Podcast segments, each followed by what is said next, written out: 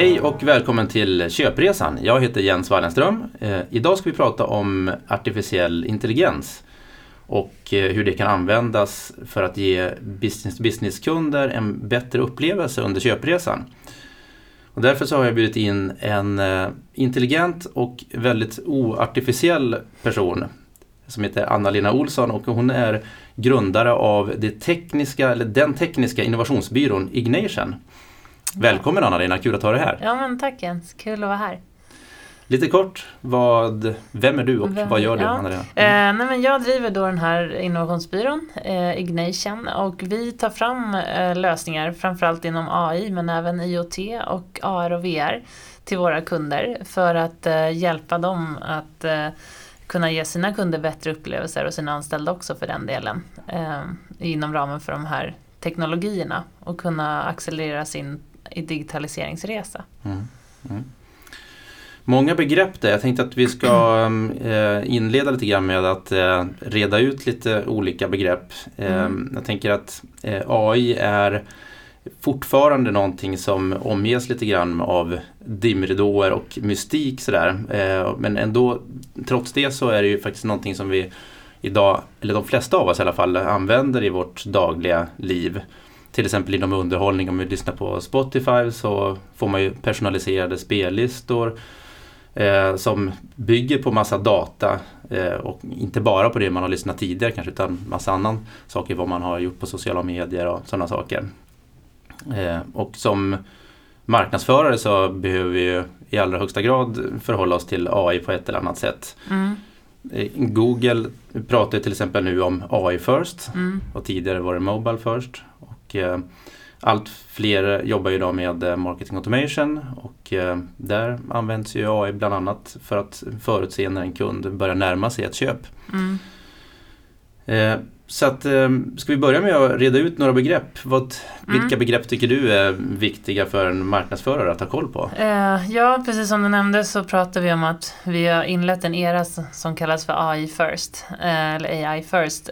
och tidigare har vi haft digital first och mobile first och varje sån här era har varit, varit ungefär tio år. Eh, och vi är precis i i AIs linda. Även om AI är ett begrepp som har funnits, artificiell intelligens, begreppet i sig har funnits eh, i många år, alltså sedan 40-talet. Eh, så är det nu som det har fått eh, en möjlighet att verkligen blomma ut för att nu har vi bra datorer och processorer som kan göra något bra av det här och något härligt. Men det är många som pratar om AI idag men det är ganska få som egentligen vet vad det handlar om. Så jag tycker att en bra grej kan vara att man börjar att titta, titta på vad, vad det innefattas. Vad innefattas inom ramen för AI?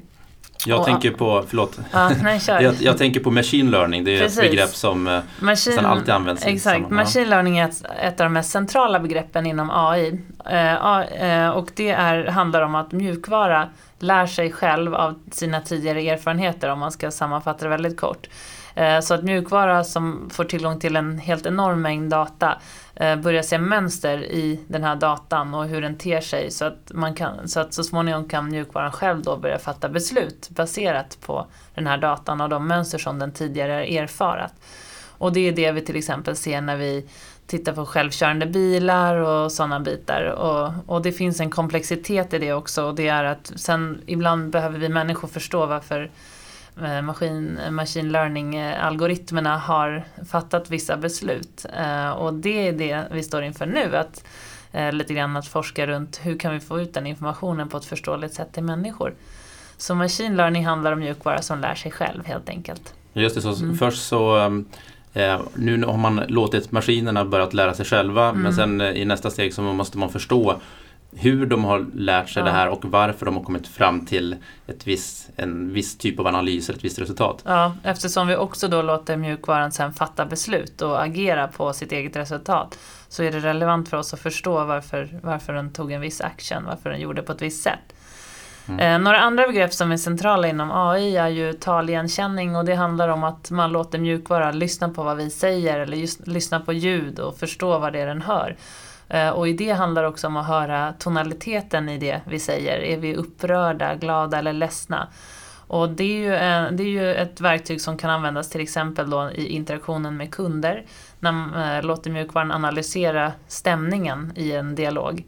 Och det kan ju vara mellan människa och människa men att man har mjukvara som känner av och, och uppfattar någonting av den här dialogen. Är det en kund som är på väg att körna eller så? Mm. Så det är en relevant begrepp också.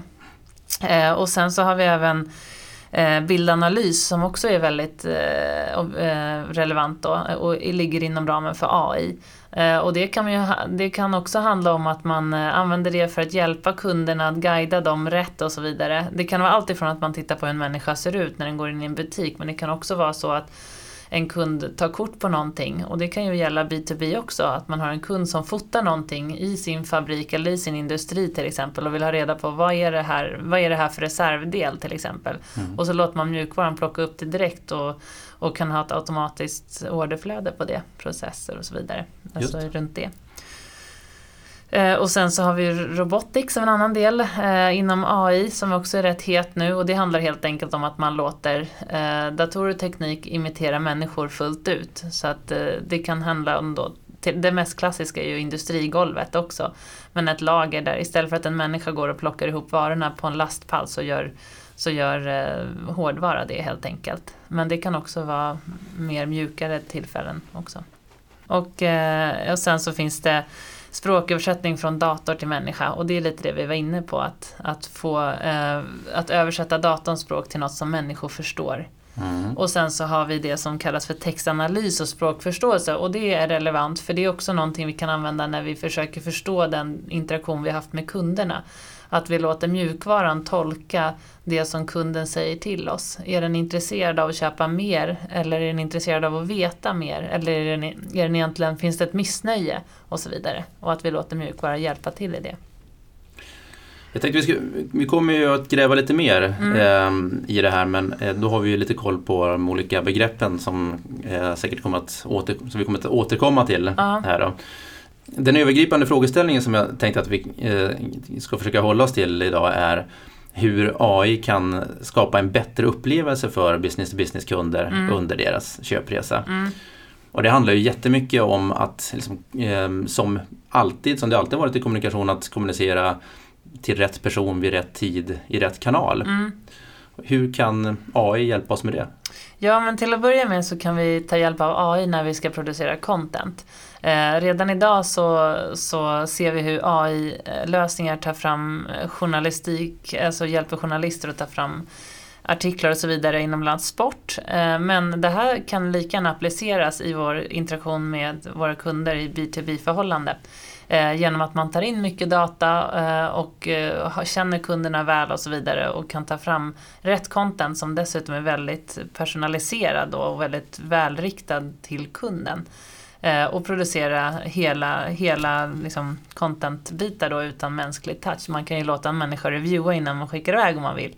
Men med takt, i takt med att man gör det här så kommer ju lösningen bli bättre och bättre på att göra det. Så, så att målet är ju då till slut att människan inte ska behöva vara involverad alls utan att det blir en helt automatisk process eh, där vi inte behöver en mänsklig touch på det.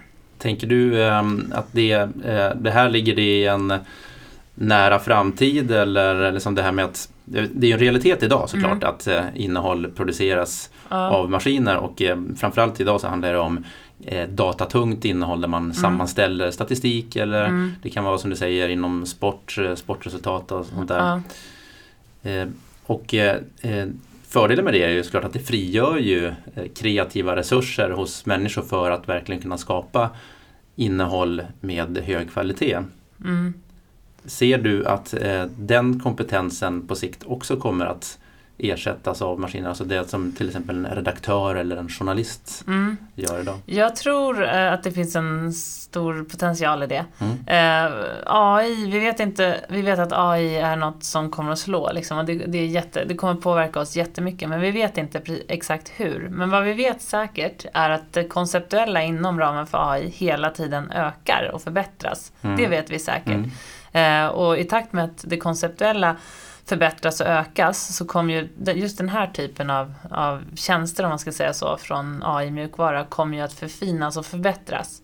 Eh, så att ja, med, med tiden tror jag att det kommer, vi kommer se mer av det. För precis som du säger så är det just nu krävs det väldigt mycket hård fakta för att kunna producera den här typen av artiklar och content. Mm, mm. Men man vill ju få in det här mjuka. Just det. Nu kommer vi lite grann här på vilka typer av kompetenser som kommer att behövas eller inte behövas mm. i framtiden här. Men om vi fortsätter med själva kundnyttan som AI kan skapa mm. inom business to business. Mm. Vad finns det mer för exempel där? Eh, för kundnyttan så kan vi ju, vi kan ju ha en mycket smartare interaktion med våra kunder. Eh, och, och, där har vi något som är väldigt hett just nu som kallas för chattbottar eller virtuella assistenter. Och varför det är så hett är för att det är en av de mest eh, lågt hängande frukterna inom ramen för AI. Det är enkelt att komma igång. Eh, det finns både gratisplattformar och plattformar man, man betalar för för att skapa en, en, en chatbot. Och faktum är att vi kan skapa en chatbot idag på 10 minuter. Wow. Eh, Eh, och sen så om du vill att den ska vara smart så tar det längre tid. Mm. Men alltså att bygga den rent tekniskt tar bara 5-10 minuter. Ska du verkligen eh, berätta det här, du som ja. Eh, jobbar med det här? Ja, det, det gör jag gärna. Ja. För att jag kan sen också förklara varför det tar tid att få mm. den riktigt fin. Liksom. Mm. men för att, för att göra den väldigt kraftfull så vill inter, inter, äh, göra inter, den interaktiv med, med väldigt smarta svar och så vidare, smarta dialoger. Men du vill också integrera den med data utifrån. Mm. Men eh, i alla de lägen, för många tänker att chatbotar är någonting i B2C, för B2C-bitar. Eh, Men i alla de lägen där man har en kundinteraktion, i alla de lägena kan man använda sig av virtuella assistenter. Och det kan ju vara eh, assistenter i form av att man skriver med den här virtuella assistenten, men det kan också vara att du pratar med den. Alltså att du som contentproducent skriver, har den till hjälp när du skriver eller för ur kundens för kunden. perspektiv för kunden? Då. Ja, för kunden. Jag tänker i det mötet man har med kunden. Mm. Som vi till exempel utvecklar en, en chatbot nu för ett företag som är just B2B. Och de vill ha en, en chatbot som kan vara som en liten, de kallar det för en advisor. Advisory, liksom en advisor chatbot som kan hjälpa deras kunder att hitta rätt. Eh, för i många fall så vill inte kunderna Alltså att hitta rätt när det gäller produkter ska jag säga. För i många fall så vill kunderna kanske inte ha en direktkontakt med en säljare. Man är bara lite nyfiken i det här und, und, utforskande läget då. Mm. Man vill veta lite mer och man vill förstå lite bättre men du vill inte ha liksom en, en hungrig säljare flåsandes i nacken. Så då ska man med andra ord eh, vara väldigt tydlig med att det, är, att det är en chatbot mm. som man kommunicerar med. Och då kan det i det här fallet då när man inte önskar en personlig interaktion ja. för att till exempel slippa känslan av att eh, ja, men ha någon form av köptvång eller vad man ska kalla det för, mm. att bli påsåld någonting. Så eh, kan det då höja upplevelsen, eller göra en bättre upplevelse. Mm. Ja, det är en av mm. de saker jag trycker väldigt mycket på när jag pratar med mina kunder, att lura aldrig kunden och tro att det är en människa de pratar med. Eh, det är jättebra att veta att det är en chatbot. Det finns uppenbarligen lägen där man ser det som en fördel som kund. Eh, och det ställer andra förväntningar. Du har som kund andra förväntningar på en chatbot än vad du har på, på anställda också. Så i den interaktionen så, så kan man möta kundens förväntningar utifrån den givna situationen. Här, har man, här har man möjlighet att utforska någonting, utforska ett varumärke eller produkter snabbt med korta svar mm. utan, att, utan att låsa upp sig på något sätt. Eh, man kan lätt backa där, därifrån om man vill som kund. Mm. Men tanken då är ju att förse kunden med, med smarta svar så att den inte vill backa ur. Mm. Men bara att man får den här möjligheten att interagera med kunden är ju fantastisk. Och tittar man lite framåt här, om man tittar en framtid där eh, mycket mer innehåll än idag till exempel skapas av eh, AI, mjukvara, mm. så bör väl samma sak, utvecklingen gå åt samma håll vad det gäller chattbotar, att de blir så eh, intelligenta, om vi kallar det för det, så att det blir svårare och svårare att skilja interaktionen med en människa ja. mot interaktionen med en chatbot. Ja, det finns idag tydliga kartor över just bara gällande chattbottar, hur man ser att vad vi är nu och vad vi tror vi kommer vara om några år med chattbottarna mm. i takt med att det konceptuella ökar, den konceptuella kraften inom ramen för AI. Mm. Eh, för vi är fortfarande på en ganska basic nivå eh, med dem. Men, men det är därmed inte sagt att man ska tänka att ja, men då väntar jag några år. För att gör man det så kommer man ändå, då tappar man marknadsandelar direkt nu. För att alla är redan igång. Liksom. Ett begrepp som eh, nämns ofta i sammanhanget när man pratar om digitalisering är ju personalisering. Mm. Och eh, till och med individualisering. Mm.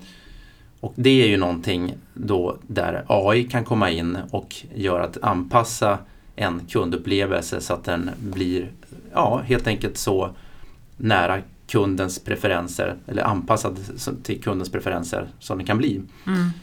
Verkligen. Eh, det håller jag helt med om. Och det, kan vi ju, det ser vi mer och mer av. För ju mer, det, dels är det den här faktorn att vi lär känna, lär känna våra kunder bättre. Specifik, den specifika kunden, men vi kan också ta in data om trender och allt möjligt som är i vår omvärld runt kunden. Eh, och tillsammans, eh, den här datan sammanslaget då, i, eh, i kombination med att vi människor ställer rätt frågor så kan vi få fram jättespecifika och individualiserade svar. Och då tänker jag till exempel på, eh, idag kan vi använda AI för att designa en webb.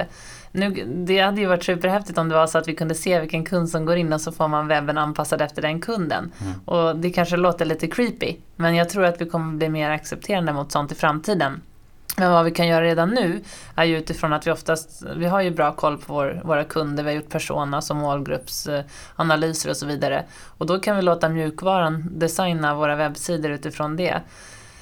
Eh, och eh, vi ser även mer och mer utifrån hur vi tar fram produkter kan också i framtiden kunna bli mer individualiserade. Och jag tror att bilbranschen kan komma att te sig så. Eh, vi ser redan det inom ramen för textil och så vidare. Men att vi faktiskt, eh, och det skulle kunna vara metall eller vad det nu handlar om, men att vi lär känna våra kunder så bra att vi kan ta fram eh, individuella produkter utan att det kostar oss så mycket extra och erbjuda våra kunder. Design och webb, tänker du att det är själva webbdesignen eller tänker du innehållet? Du tänker, du tänker alla delar mm. av... Jag tänker liksom, både och. Mm. Jag tänker både och. Jag tänker Eh, vi drar slutsatser som människor. Om jag ska göra en webbsida som riktar sig åt barn så, så gör jag den mer lekfull och lekfulla färger och så vidare. Den typen av slutsatser som vi drar, det kan vi lära mjukvara att göra. Eh, och, eh, och, och, dessutom kan den mjukvaran ta in marknadstrender. Hur gör alla andra som har webbsidor eh, ämnade för barn och så vidare. Eh, och textmässigt också, hur är tonaliteten på en text som riktar sig åt barn? Nu är det ett väldigt enkelt exempel att säga just barn, men, men eh, den typen av slutsatser som vi drar idag och som vi har lärt oss, eh, den kan vi lära mjukvaran. Mm. Målet är ju att vi vill möta kunden vid rätt tidpunkt och i rätt kanal och med mm. rätt budskap. Mm. Som sagt, och det är ju det som AI kan hjälpa oss med. Mm. Eh, och för att vi ska kunna göra det så är det viktigt att vi har koll på såklart vilka personas som vi pratar med mm. Eh, och vi eh, behöver veta hur deras köpresa ser ut. Mm. Och här tänker jag att här är ju, kan ju AI vara till stor hjälp. Kan du förklara lite grann mm. hur det kan användas? I takt med att vi lär känna då våra kunder och deras omvärld också eh, utifrån dels den givna datan som vi människor ger till vår mjukvara så kan vi, eh, men även data som man tar in utifrån så kan vi eh, Dels kan vi hitta topprankade kunder eh, så att vi kan se vilka kunder som kan vara mest intresserade. Och vi kan också förstå vilket budskap vi ska gå ut med till de kunderna. och kunna sätta ihop kreativa budskap. Och det var ju lite det vi pratade om innan med content och sådär. Att man kan få hjälp att sätta ihop rätt content då. Eh, men det handlar ju också om att vi kan låta AI identifiera helt nya kunder för oss. Mm. Så att vi kanske sätter upp målet att vi ska sälja 48 stycken av vad det än är vi säljer. Mm. Eh, fast det är ett jättehögt mål jämfört med vad vi har lyckats med tidigare. Så kan man då använda, med hjälp av AI kan man hitta rätt kunder och kunna få ut rätt information eh, som är individuell, individuell då för den här kunden. Eh, men också, också prissättning. Eh, vi kanske vet, vi kan med hjälp av all data som mjukvaran har tagit in och analyserat som vet mjukvaran vilken prissättning som passar just den här kunden. Mm, och baserat på hur historiken ser ut också, liksom ja. den här specifika kundens köpresa och Precis. när man ska presentera ett eh, erbjudande för den och vad priset ska vara. Ja. Och Eh, exakt. Precis. Man, man, pratar mycket om, man pratar mycket om att AI kan hjälpa oss att lära känna konton eller kunderna bättre. Så att vi, vi tittar på konsumtionsmönster som kunderna haft tidigare och när den har toppat och dalat och så vidare. Och sen så kan vi anpassa vårt, eh, vi kan fatta beslut utifrån det här då, eller vi, jag, jag pratar som om jag vore mjukvaran, och mjukvaran kan hjälpa oss att fatta beslut hur vi ska eh, interagera med de här kontona eller kunderna eller vad vi nu vill kalla det. Mm. Eh, och då kan vi också, det kan också handla om hur vi ska, eh, om vi, när det är läge för att ge rabatt och på vad och så vidare. Jag får, jag får idag ibland eh, gratis kaffe från en, ett ställe på stan. Och det enda jag handlar där är kaffe. Så jag är så fascinerad över att de ger mig gratis kaffe. De borde ge mig en gratis bulle om jag köper en kaffe mm. eller någonting. Eh, för de här gratiskaffe jag inte handlat på ett tag och det är ju ett sätt på hur man ointelligent använder eh, alltså interaktionen med kunden mm. på ett ointelligent sätt. Mm. Eh, så det här kan ju leda till att den här som mappningen av köpresan i framtiden så kanske den till och med blir individualiserad. Att du mm. har istället för att du har en köpresa som du har ritat upp för en viss persona så är det på, rent på personnivå. Person, precis. Ja. Vår, vår mjukvara kommer ha, ha en kundresa förmodligen per, för per kund. person för ja. varje kund. Men hur är det här? Är, eh, den här typen av användning av AI, är den eh, för alla eller, som, eller är den bara för stora företag som sitter på väldigt stora mängder av data om, om sina kunder? Nej, jag tycker att den är för alla. Eh, det, den är enklare för de som redan har massa data om sina kunder men om man är ett mindre bolag så behöver man tänka igenom vilken data som kan vara relevant och det kan vara väldigt svårt att göra det här. Eh, för det kan vara otippad data som jag brukar kalla det. Men alltså data som man inte har en tanke på att det skulle kunna vara relevant. Mm. Eh, vi ser idag hur eh, ICA och Volvo samarbetar ju med att ställa in matkassar i Volvobilarna. Vem hade tänkt att den datan skulle vara relevant, liksom att kombinera den tidigare? och likaså, jag tänker, ja, försäkringsbolagsdata kan vara relevant för någon annan och tvärtom och så. Mm. så det gäller att titta på vilka, vilka aktörer rör sig runt dina kunder? Eh, de aktörerna har förmodligen data om dina kunder som kan vara värdefull. Och det är den datan man ska använda sig av när man tar fram sina eh, smarta AI-lösningar. Och det tror jag att vi kommer se mer av. Ekosystem av data. Just det. Om man idag eh, inte är, känner att man är riktigt mogen för att investera i någon större AI-lösning så kan man i alla fall förbereda sig för, för att man vet att det här är någonting som kommer det är någonting som kommer att komma och som man behöver vara förberedd på. Mm. Och då handlar det om att eh, egentligen tänka igenom vilken typ av data kommer att vara värdefull eller användbar för oss i framtiden. Det, det är precis mm. så och, och, i takt med att vi kan, som du och jag pratade om Jens tidigare om huruvida taxichaufförer kommer behövas i framtiden.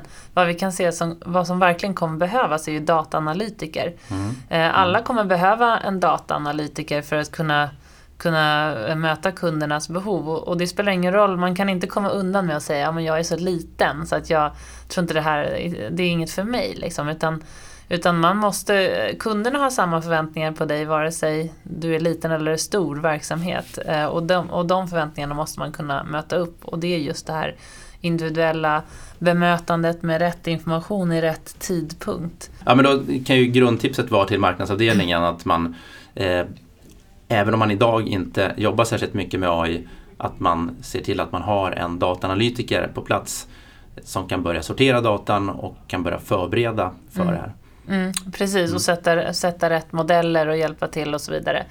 Och sen så eh, och det, det, tror jag marknaden har förstått men också att som marknadsavdelning idag så måste man kunna ha koll på de här nya teknologierna AI då ett av dem. Mm. Eh, och likaså så behöver teknikavdelningen ha, ha, en, ha stenkoll på kundresan och, och köpresan och, och den typen av, av marknadsbegrepp, traditionella marknadsbegrepp. Mm.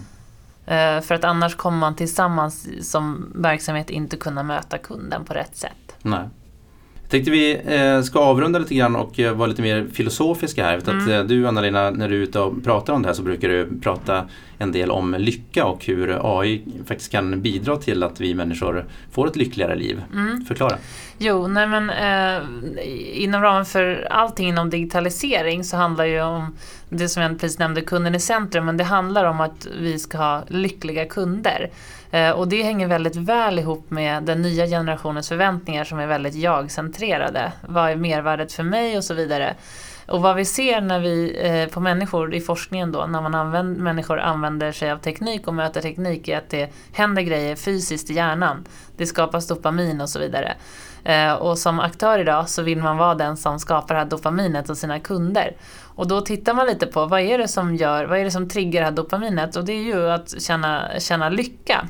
Mm. Och det finns ju massa forskning om lycka men eh, jag, jag tycker att det sammanfattas ganska bra i att det handlar om att man ska känna flow eh, i det man gör, att det ska finnas ett flöde i vardagen. Det ska inte kännas som att man kastar bort tid eller har hinder på sin väg. Och sen, sen är det också bevisat att människan vill kunna använda sina egna skills och egenskaper det ger också en lycka för då bekräftar man sig själv, man känner sig duglig.